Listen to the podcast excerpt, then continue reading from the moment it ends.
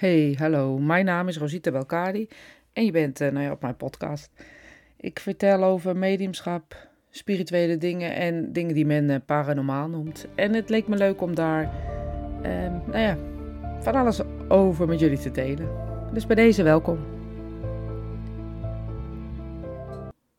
In uh, deze episode stukje, um, nou ja, hoe je het ook wil noemen ik hoor zelfs sommige mensen uitzending noemen. Ja, in wezen is dat natuurlijk ook zo. Uh, wil ik het met jullie uh, eigenlijk even, ja, wil ik het eigenlijk hebben over mijn weg in mediumschap. Mijn weg in spirituele dingen, maar ook wel mijn antipathie tegen het woord paranormaal. Want toen ik net geïnteresseerd raakte in het zoeken naar mezelf, want zo, excuses, begint het meestal en ik begon met het zoeken naar mezelf, het willen leren begrijpen waarom ik andere dingen voelde of ervaarde. Of anders, um, um, ja, misschien zelfs wel anders leek dan de rest. Want ja, weet je, eigenlijk tot aan, nou ja, tot aan je, je, je puberteit of zo denk je nog dat iedereen hetzelfde is. En ja, misschien ben ik wel een laadbloeier en kwam jij er veel hier achter. Um, maar tot aan mijn puberteit dacht ik, alles is hetzelfde en iedereen is hetzelfde. Tot ik op een gegeven moment achterkwam dat mensen, nou ja, ook andere achtergronden natuurlijk hebben. Uh, op andere manieren opgevoed zijn. Uh, maar dus ook anders in het leven staan, anders denken, maar zeker ook anders voelen en ervaren. En uh, eerlijk gezegd um, was het best een schok dat ik dus besefte dat mijn manier van voelen, ervaren of hoe ik de dingen zag. Dat het echt totaal anders was als hoe anderen dat ervaarden. Eh, hoe anderen dat zagen en hoe anderen dat voelden.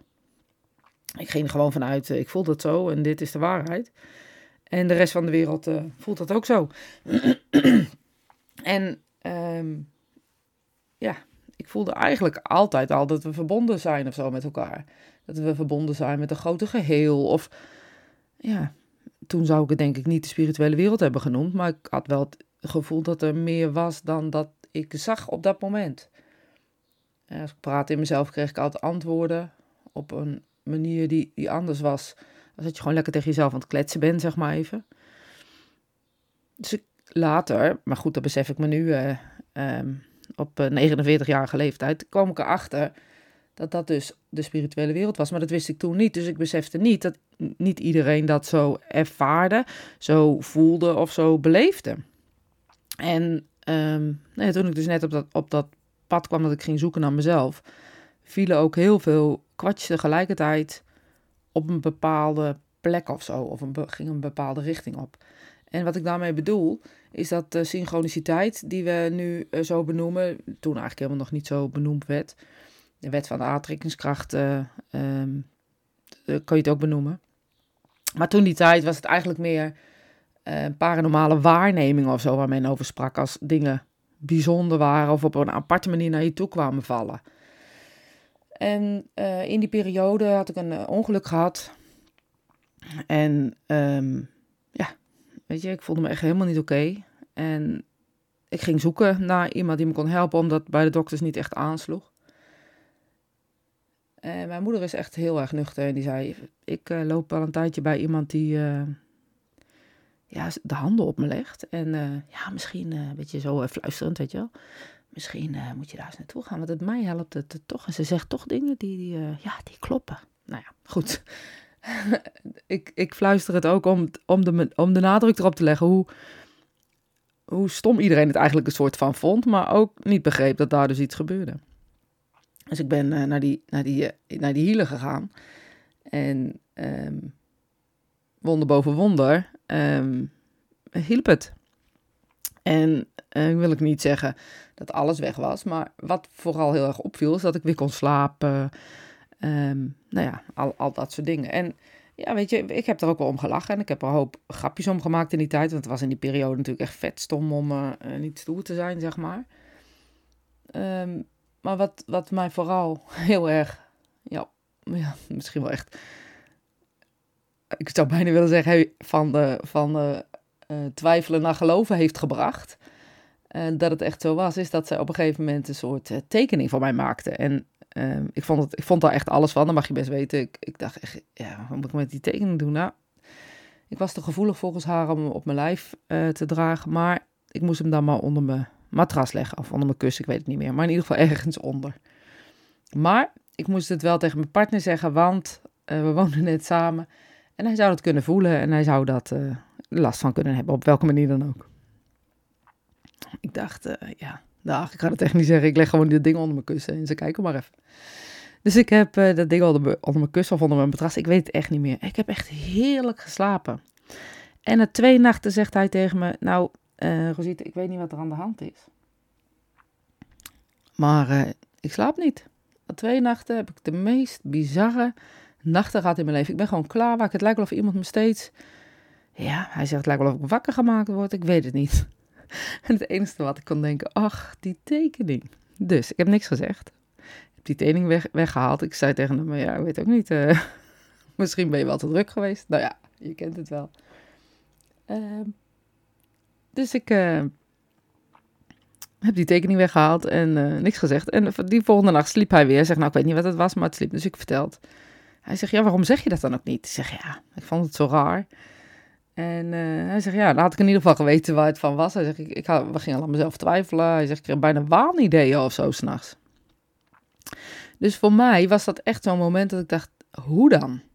Hoe kan het dat, dat een tekening van iemand die dus gevoelig is, die op een bepaalde manier een paar strepen neerzet, want daar leek het die tekening op, um, dus effect kon hebben op dat moment op de energie in onze slaapkamer. Dat vond ik echt bizar. Nou, en daar is eigenlijk, um, buiten het feit dat ik al mezelf wilde begrijpen, was, was dit echt het moment waarop ik dacht, ja, nu moet ik, nu moet ik gewoon onderzoeken.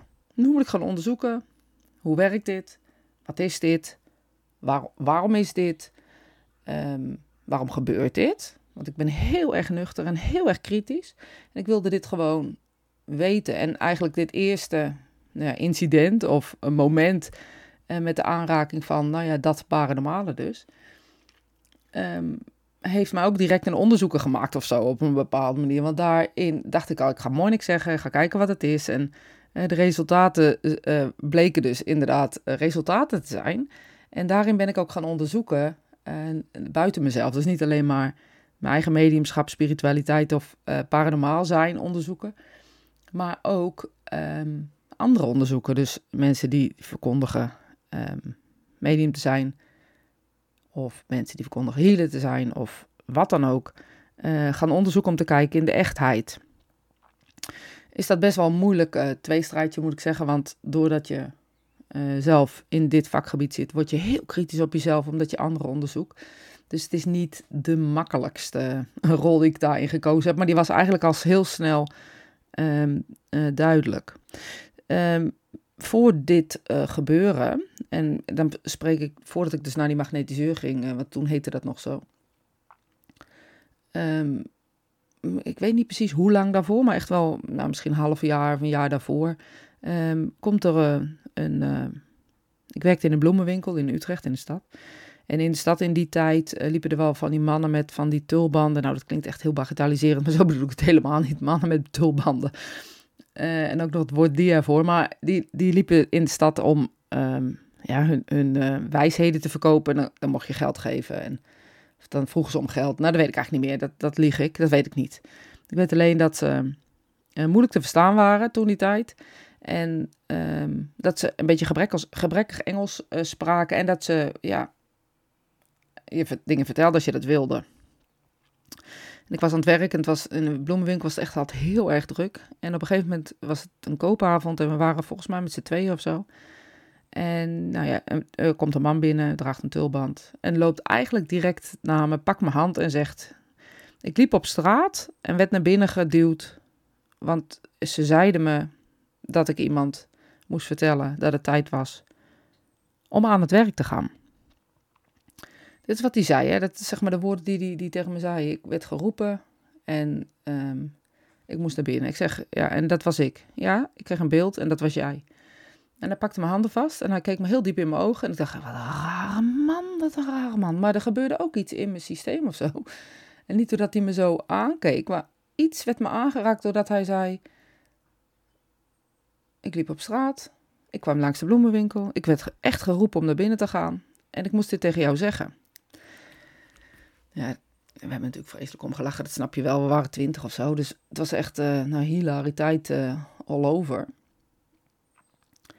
En, maar het liet me ook niet los of zo. Die man die had iets in zijn stem of in zijn ogen. Hij raakte iets in me dat ik dacht, hè?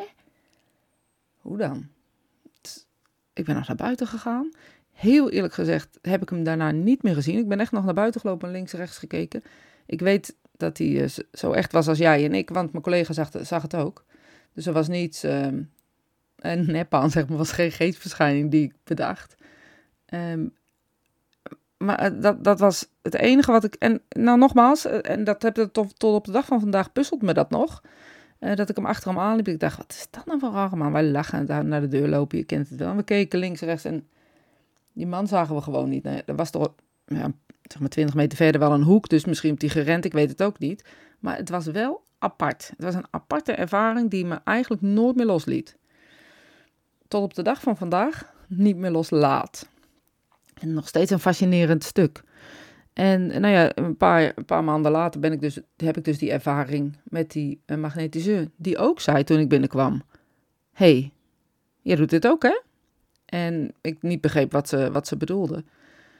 Um, dus eigenlijk zijn deze twee mensen een, een soort begin geweest van een zoektocht naar mijn eigen gevoeligheid, naar mijn eigen spiritualiteit, maar zeker ook uh, wat toen nog paranormaal genoemd werd. Nu, nu noemen we het eigenlijk mediumschap, con connectie met de spirituele wereld of, um, ja, weet je, we, we, hebben een beetje het woord paranormaal of zo afgeschaft.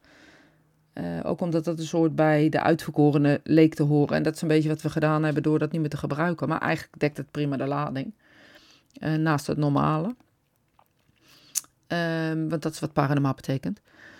Ja, weet je, dus, dus dat is een beetje mijn begin geweest van het zoeken nogmaals naar, naar wat is dit nou? Hoe dan?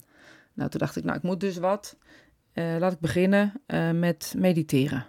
Dat is dat wat ik dacht. Nou, dat kon ik helemaal niet. Ik ging zitten met mijn ogen dicht en het enige wat ik dacht, ja, dag. Ja, doei.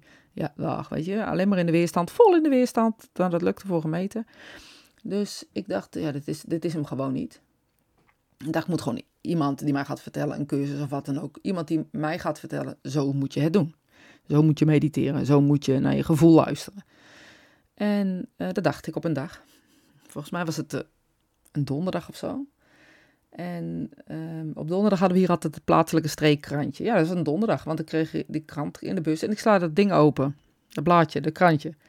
En er staat, ik zie een orchidee, wordt mijn oog naar getrokken met het woord intuïtieve ontwikkeling nog plaatsen beschikbaar. Nou, dacht, dat is leuk toevallig. Dus ik dacht, nou, weet je wat? Ik bel gewoon. Dat was nog voor e-mail. Before e-mail. Um, ik bel gewoon. En op het moment dat het inderdaad uh, de bedoeling is, of, of dat, die, dat diegene me aanspreekt, ga ik dat doen. Dus ik uh, bel. En ik krijg een man aan de telefoon, een hartstikke aardige man. En die zegt, ja, intuïtieve ontwikkeling uh, met mediteren. Dus grappig, want daar was ik natuurlijk al naar aan het zoeken. En, ehm, nou ja, gewoon, zei hij, gewoon, um, leren naar je intuïtie luisteren, naar je gevoel luisteren. Maar vooral jezelf leren kennen van binnen. Nou, ik dacht, dat klinkt als muziek in mijn oren. En met een orchidee. Ik zat in de bloemen, dus één en één. Was voor mij hartstikke twee. Um, bleek ook nog die avond die kus te beginnen. Nou, ja, it's a rap. Dus ik ben, uh, um, ja, ik ben gegaan. En uh, nou ja, het was inderdaad uh, mediteren, anderhalf uur lang mediteren.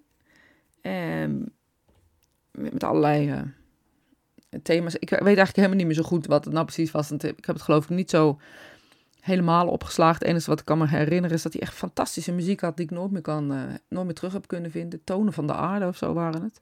Fantastisch, echt waar. Mocht je dit luisteren en denken, oh, ik weet wat jij bedoelt.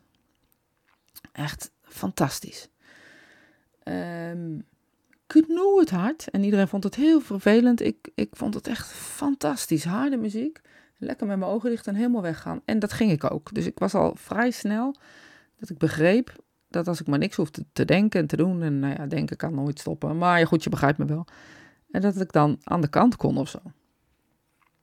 En op een zeker moment, uh, dus na, na, een keer of zes of zo, die duurde geloof ik acht keer die cursus. En dan een keer of zes, zeven. Of de laatste keer, ik weet het echt niet meer. In ieder geval een van de laatste keren. Um, zit ik uh, in die heerlijke meditatie. Ik doe mijn ogen open en ik kan me niet meer bewegen. En het enige wat ik dacht, ik ben je vader. Dat is het enige wat ik dacht. En ik dacht, ik kan me niet meer bewegen. Ik ben verlamd. Dus ik uh, um, hoorde een soort geluid als rolstoel achter me. En dacht nog dat er een, ja, iets achter me stond. Dus ik kwam uit die meditatie. En hij, die man die dat begeleidde, keek me al een beetje wazig aan van wat is er met jou aan de hand? Ik denk dat ik geschrokken keek.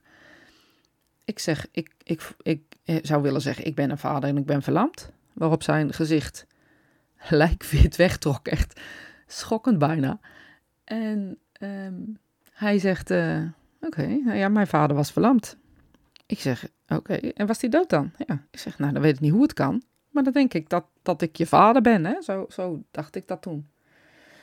Nog wat andere dingen gezegd. En um, ja, die klopte. Maar dat wist ik ook niet. Ik, ik had geen idee dat ik contact maakte met een wereld buiten mezelf, zeg maar. Dat, voor mij voelde het helemaal niet als iets anders als mezelf. En um, nou, dat was eigenlijk mijn eerste ervaring met de spirituele wereld. Maar het feit dat hij zei, ja, dit mag de kamer nooit verlaten, maakte voor mij dat ik um, het als negatieve ervaring heb gehad op dat moment. Weet je, dat was iets niet, goed, niet goed, want hij deed best wel raar later erover. Gelukkig belde hij me de volgende dag terug en zegt: Moet er even op terugkomen, je hebt me zo overvallen. Maar ik heb hele slechte ervaringen met mijn vader. En um, ja, jij hebt uh, um, iets heel bijzonders gedaan. Want ik had hem die dag gevraagd: Ik wil je graag vergeven. Als de mogelijkheid is, zou je dan mij een zijn willen geven? Nou, ik was dus zijn zijn. Uh, op een of andere manier kon hij dus wel via mij, uh, mij gebruiken. Nu begrijp ik dat, toen begreep ik dat niet. Dus waar ik dacht mijn zoektocht te starten, of eigenlijk mijn, zoek, mijn antwoorden te vinden, is mijn zoektocht pas gestart. Op dat moment begon het eigenlijk pas, want daarin uh, tackelde de spirituele wereld mij in een, in een manier dat ik niet in de gaten had dat ik spiritcontact aan het maken was. Ik sprak gewoon vanuit uh, dat wat ik had. Dus hij zei al heel snel, jij bent paranormaal begaafd. En eigenlijk dat woord, dat was voor mij zo'n slecht woord op dat moment. Dat heb ik gebannen, nooit meer gebruikt. Tot een paar maanden, misschien een jaar nu. Dat denk je, ja, maar wacht eens even. Het dekt de lading eigenlijk heel goed. Het is misschien alleen een beetje, hangt er misschien een beetje een zwevige wolk om of zo. Um, maar daar begon eigenlijk mijn hele zoektocht. Waar, waar ik dacht um, dat ik het ging begrijpen. Dus daar begreep ik er eigenlijk nog steeds minder van. Want het was veel complexer dan, dan dat ik dacht. En al deze momenten hebben ervoor gezorgd um, dat ik uh, het wereldwijde web ben uh, gaan ontdekken. Dat was in de tijd dat er nog forums waren. Je had niet echt zoals nu een Facebook of een Instagram of volgens mij had je toen forums van, van KPN of zo was dat iets. Ik weet niet eens meer wat het precies was. En dat heette clubs of zo. Misschien dat jullie het nog wel weten. De oudjes onder ons. Uh, maar zo is mijn zoektocht begonnen om mezelf dus te leren begrijpen. En um, ik dacht dat het een leuk begin was van een podcastserie. Om op deze manier uh, jullie mee te nemen in mijn ontwikkeling.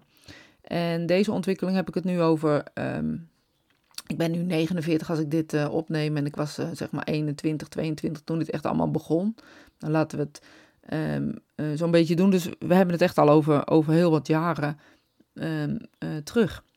En nou ja, er zijn nog veel meer dingen gevolgd, opgevolgd en daarna gekomen die me verbaasd hebben.